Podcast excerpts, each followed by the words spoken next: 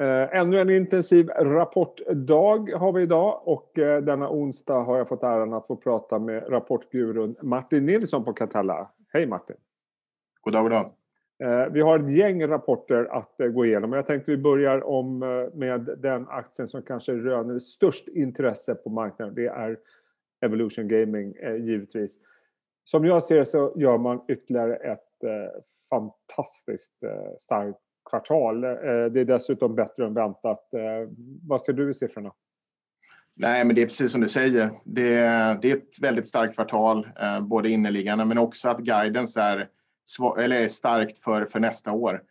Man säger att den marginalen man har under Q4 är någonting man indikerar ska, ska finnas då under 2021, mm. vilket gör att analytikerna måste ta upp sina estimat något. Eh, aktiereaktionen är inte jättestor, tycker inte jag, på den, den bra, bra rapporten. Men det kan jag också förstå lite ifrån var aktien kommer ifrån. Det, ja. Den har gått väldigt, väldigt starkt. Ja. Sen också så, så säger de också att eh, vad heter det, synergierna med, med netten som man förvärvade blir också större än, än förväntat. Så det är väl egentligen bara positiva nyheter därifrån. Och, och, jag känner lite grann när man tittar på det här bolagets eh, otroligt starka marginaler och mm. otroligt starka tillväxt Alltså, det är ju svårt att hitta ett annat bolag i den här storleksordningen med den typen av utveckling. Eh, ja, absolut, och eh, också hur fort det har gått. Mm. Menar, det är en enorm utveckling där bolaget har legat helt rätt i tiden och varit bäst, eh, utan tvekan. Självklart så är ju det här ett attraktivt område som säkert kommer se intensifierad konkurrens. Det är ett tillväxtområde men också med hög lönsamhet. Det brukar dra till sig eh, nya aktörer och aktörer som vill in på den här marknaden. Men Evolution har byggt upp en så stark ställning ehm, eh, med, sin, med sin positionering och också via ja, förvärv. Då, så att, eh, jag menar, de, de är enormt starka. Och man tänker, det, det är alltid en diskussion kring värderingar på den här typen av tillväxtbolag. Värderingen är höga. Personligen har jag liksom svårt att säga vad värderingen ska vara för en sån här aktie. Jag kan bara konstatera att eh, med den här tillväxten, det momentumet, jag tror man växte, vad var det, 100 i, bara i USA. Så, så, tycker jag, jag ska inte säga att värderingar blir irrelevanta, men, men det är väldigt svårt att sätta att det här ska vara P 15 eller 20 när det momentumet är så vansinnigt starkt. Nej, men det, det, är ett väldigt starkt momentum, men också, jag, jag tror också att det tittar man på, på värderingen så så, så är den ju hög, men det är också tillväxten. Så jag tror att de som investerar i det här bolaget har inte problem att betala den multiplen. Jag dock, vi investerar inte i, i eh, kommersiell spelverksamhet överhuvudtaget av hållbarhetsskäl, så för oss är valet ganska enkelt. Men, men de som gör det så tror jag inte multipeln avskräcker med tanke på den, på den snabba tillväxten. Mm. Eh, vi lämnar fina Evolution, går över på eh, Malmös stolthet Inwido. Mm. Kommer in med som det ser ut lite lättare siffror än väntat. Eh, lönsamheten ser helt okej okay ut. Aktien tappar några procent när du och jag pratar. Eh, vad, vad, tycker du om den rapporten? Rapporten är ju precis inline om man säger. Den, den är ju spot on vad analytikerna hade förväntat sig. Eh, alltså det, det, går knappt att, att ha någon skillnad överhuvudtaget. Tittar man på rapporten så är det väl några positiva saker som sticker ut. Det första är ju eh, orderingången som är upp 11 procent och orderstocken som är upp 48 procent year on year. Så att, då ser vi väldigt bra ut för, för nästkommande år. Men likt Evolution så har ju aktien gått starkt ja. eh, och det är en inline-rapport helt enkelt kan man väl säga. Eh, de inför en utdelning som är ja, något högre än, än, äh, än förväntat. Äh, men de har också haft problem med covid, det är värt att notera. Man hade problem i, i Danmark när man stängde ner och det påverkar resultatet under Q4. Eh, men också så säger de att eh, de har haft många, många, många inom personalen som också varit sjuka. Det har också påverkat eh, produktionen. Med tanke på det så kan man väl säga att det är ett helt okej rapport. Och jag tyckte också var intressant, jag läste vd-orden där han säger, han poängterar verkligen att balansräkningen har blivit starkare och det känns som att man vill, eller han säger uttryckligen att de vill trappa upp förvärvsarbetet. Mm. Eh, och vi vet att marknaden som det ser ut nu eh, uppskattar man när, när bolag, eh, bolagsförvärv premieras just nu. ja, alltså skuldsättningen från slutet av förra året har gått från en nettoskuld till ebitda på 2,2 mm. ner till 0,9.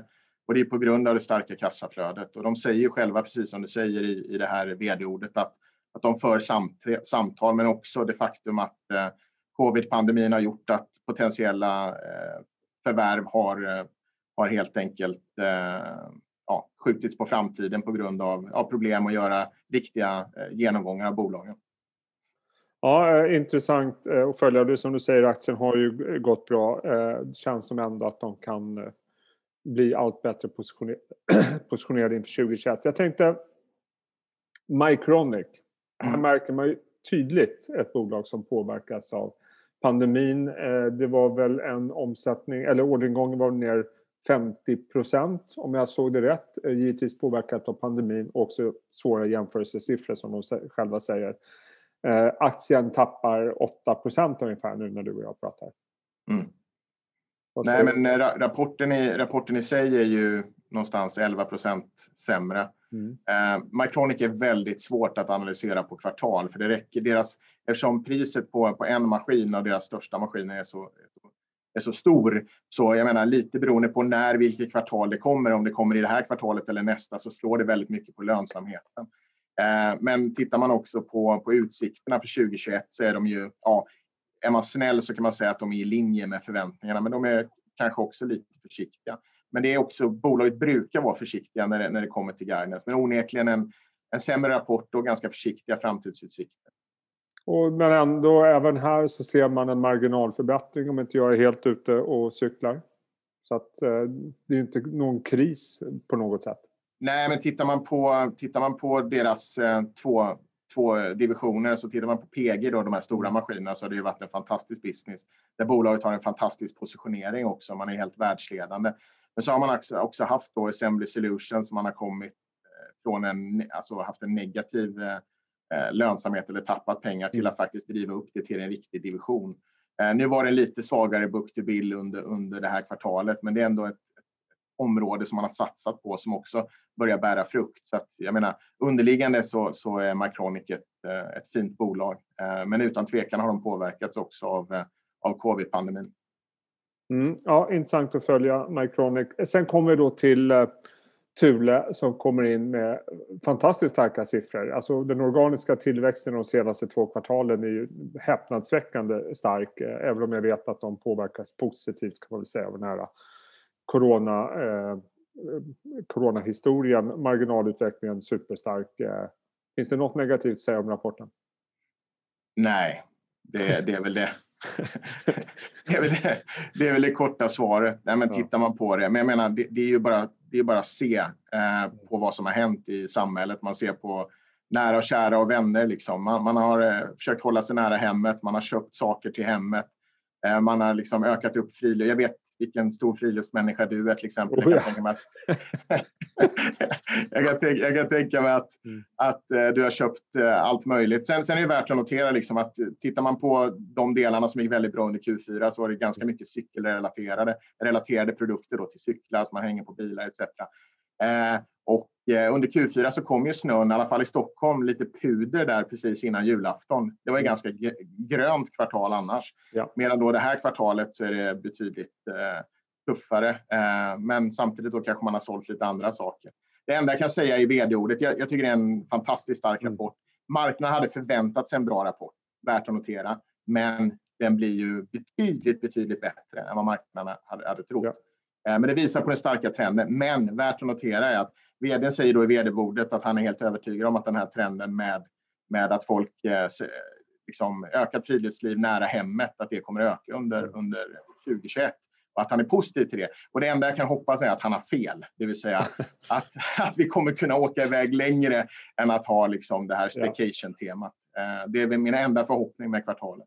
Det, det, det, enda som jag reagerar lite grann på, det, det är ju, de, de når sitt marginalmål i kvartalet eller på helårsbasis om jag inte är helt ute och cyklar. Då kan man tänka sig, är det inte dags då liksom att, att höja ribban lite grann? Men precis, i den här rapporten, precis som nästan alla andra rapporter, så har lönsamheten varit bra, bättre än väntat. Samtliga rapporter du och jag diskuterar här idag.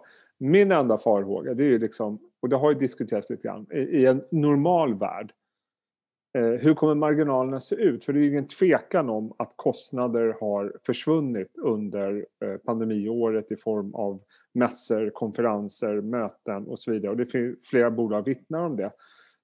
Och jag misstänker att Thule är ett bolag som har dragit ner sina kostnader väsentligt på mässor och, och såna här grejer. Ska man vara orolig för det? Att man, man Nej, liksom men... drar kurvan för högt vad gäller lönsamheten framöver? För det, är väldigt bra poäng, det, det är väldigt bra poäng det du säger. Men många bolag vi pratar med eh, som har då en, en, väldigt fin kostnadskostym under 2020. För att tittar man på, på till exempel Q4 så, så är det inte många bolag som slår på försäljning utan det är framförallt Nej. på marginal man slår. Och då slår man också på lönsamhet. Men tittar man på de här företagen så säger de ju också att det finns ett uppdämt behov att göra vissa saker. Är vissa projekt mm. som man har lagt i framtiden.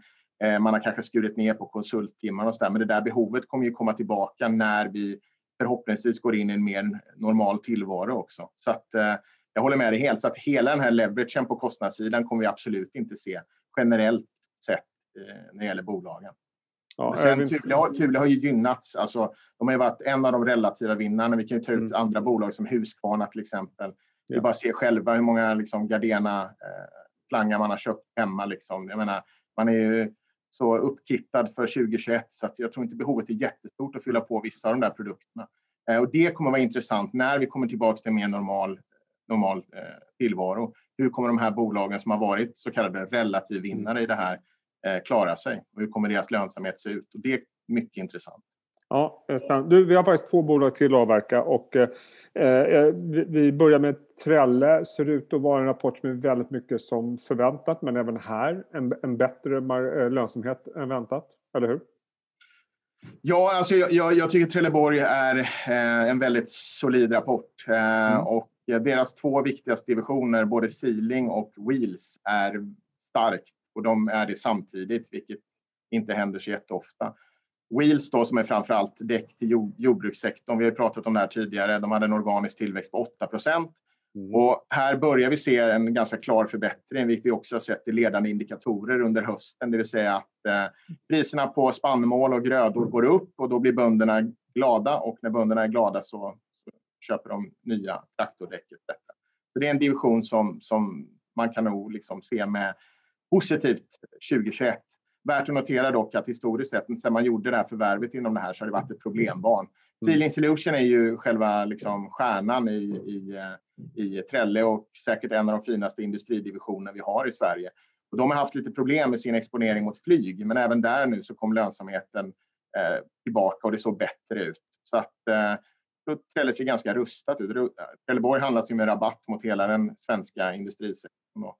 Eh, det ser ut att gå ganska bra. Sen har det också att eh, de gjorde en omstrukturering. De tog bort massa enheter, bland annat mot, mot olje och energisidan som man vill avyttra, som man då har sagt, eh, bolag under utveckling om man säger så. Och där, där, kom, där har ju covid gjort att den försäljningen som man då kanske hade förväntat sig skulle komma 2020 av vissa av de här bolagen och divisionerna inte har kommit. Mm. Men det kommer säkert också komma. Då får du mer renodlat bolag med också en högre lönsamhet. Så att, och det, jag tycker det är lite intressant, för tittar man på, jag menar, den organiska tillväxten är fortfarande negativ, men mm. den är inte lika negativ som den var i Q3, som i sin tur inte var lika negativ som den var i Q2. Trenden som jag sett i, i många industribolag förbättras gradvis och dessutom de med bättre lönsamhet så känns det som att, precis som du är inne på, att Trelle är hyggligt rustade inför det här året som kommer nu, förutsatt att vi får den utveckling som vi förväntar oss med, med öppnandet och att vi återgår till någon form av normalitet. Då är ju den där äh, rabatten mot peers väldigt intressant. Jag håller med dig helt. Så att, äh, ja, värt att kolla på. Du, vi avslutar med någonting helt annat. Ännu ett bolag som har påverkats negativt av Corona, men där även här tycker jag man ser en klar ljusning och man ser också på efterfrågesidan. Det är Vitrolife som det inte pratas så jättemycket uh, om. Lite försäljningsminskning men bättre marginal. Men det jag fastnade för det var att den organiska tillväxten var väl i princip flat va? Från att ha varit ja. negativ tidigare och det tycker jag var superintressant. Ja, nej, men det, det, är väldigt intressant det du säger och poängen är att det här är ett bolag som har en ganska hög multipel, alltså det är en mm. hög värdering på bolaget. Det är ett tillväxtbolag helt enkelt. Det är en bransch som, som växer men som då har påverkats väldigt negativt av, av covid under 2020. Nu kommer det tillbaka. Eh, lönsamheten är positiv lite för att mixen är positiv, det vill säga consumables är lite bättre än själva capital equipment, vilket gör att mixen blir bättre.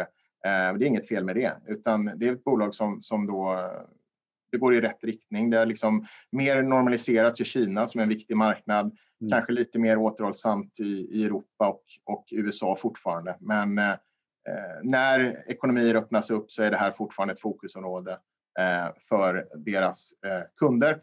Och eh, ja, det går åt rätt riktning för dem också helt enkelt. Ja, det känns som det kan återgå ganska snabbt, eh, komma tillbaks eh, intresset och efterfrågan på, på deras produkter när vi kan röra oss ute på ett annat sätt och man riktar in sig på lite andra delar av hälsovårdskedjan. Mm. Det var rapporterna. Jag vill, innan jag lämnar dig så vill jag gärna ta upp två grafer som du skickade till mig. Det har varit väldigt mycket diskussion om småbolag mot eh, stora bolag. Vi har sett småbolagsindex har skjutit i höjden i USA senaste tiden. Och då har du två grafer som visar på värderingen, för, värderingen och förväntad vinsttillväxt för stor respektive småbolag. Och om vi börjar titta på hur det ser ut för storbolagen så tycker jag mig se att ja, värderingen är ungefär där den ska vara utifrån förväntad vinsttillväxt. Men om man tittar på småbolag så är gapet väldigt stort, det vill säga att eh, PEG-talet är väsentligt högre. Eh, innebär det enkelt uttryckt att man ska hellre äga stora bolag nu? Men alltså, det är en, det är en viss, viss För det första så har ju småbolag slagit stora bolag med, med hästlängd de senaste åren. Mm. Uh, och det är inte så jättekonstigt för att uh, småbolag växer och man har sökt tillväxt framför framförallt i den lågräntemiljö vi har varit. Sen har vi sett en sektorrotation som började under november som egentligen har fortsatt. Den har kopplat lite till, till stigande räntor. Eh, en av de största sektorerna i, i large cap är bank. De gynnas av stigande räntor. En av de största sektorerna inom eh, vad heter det, small cap är fastigheter, de kanske missgynnas lite. Det är, det är en viss skillnad. Men sen är det också en rotation. Man har sökt mer värdeorienterade aktier och då har man gått mer mot, mot och de hittar man då i kanske de lite större, större instrumenten. Eh, medan då småbolag generellt sett är det mer eh, tillväxtorienterat. Det är det första. Men sen mm. också så, så tycker jag det är värt att notera att det här är bara en månad så att säga att det här är en trend. Det vore liksom trenden har snarare, snarare, snarare varit det omvända. Eh, men sen också om man tittar på hur index då är uppsatt så till exempel Finch väger ganska stor del av eh, vad heter det, Småbolagsindex. Småbolagsindex, småbolagsuniversum. Och det, det, är ett bolag som har en väldigt hög värdering så det finns liksom bolagsspecifika eh, påverkan medan large caps då har ganska mycket bank och bank har en, en, en låg värdering etc. Så det, det finns liksom sektor och eh, bolagsanledningar till att den här skillnaden finns också. Men eh, din, din, spaning är, din spaning är korrekt. Men det känns ändå kanske som att eh, på bolagsnivå eller aktienivå så känns det fortfarande som att det finns flera intressanta tillväxtcase i småbolag än vad det finns i storbolag. Absolut. Mm. Och det, är liksom, det säger sig självt bara ja. för att jag menar, det är, basen är så mycket. Småbolag är ju mindre och de har lättare att växa. Eh, större chans att de är uppköpta också. Jag menar, någonting jag förväntar mig kommer fortsätta är en ökad intensifierad M&A eh, mm. som vi inte har sett så jättemycket av 2020 för att eh, ja, bolagen inte har kunnat förvärva helt enkelt. Eh, så att, eh, jag tror att du kommer hitta vinnare och, eh, inom båda segmenten framgent. Ja, oerhört spännande som jag brukar säga. Eh, blir intressant att se.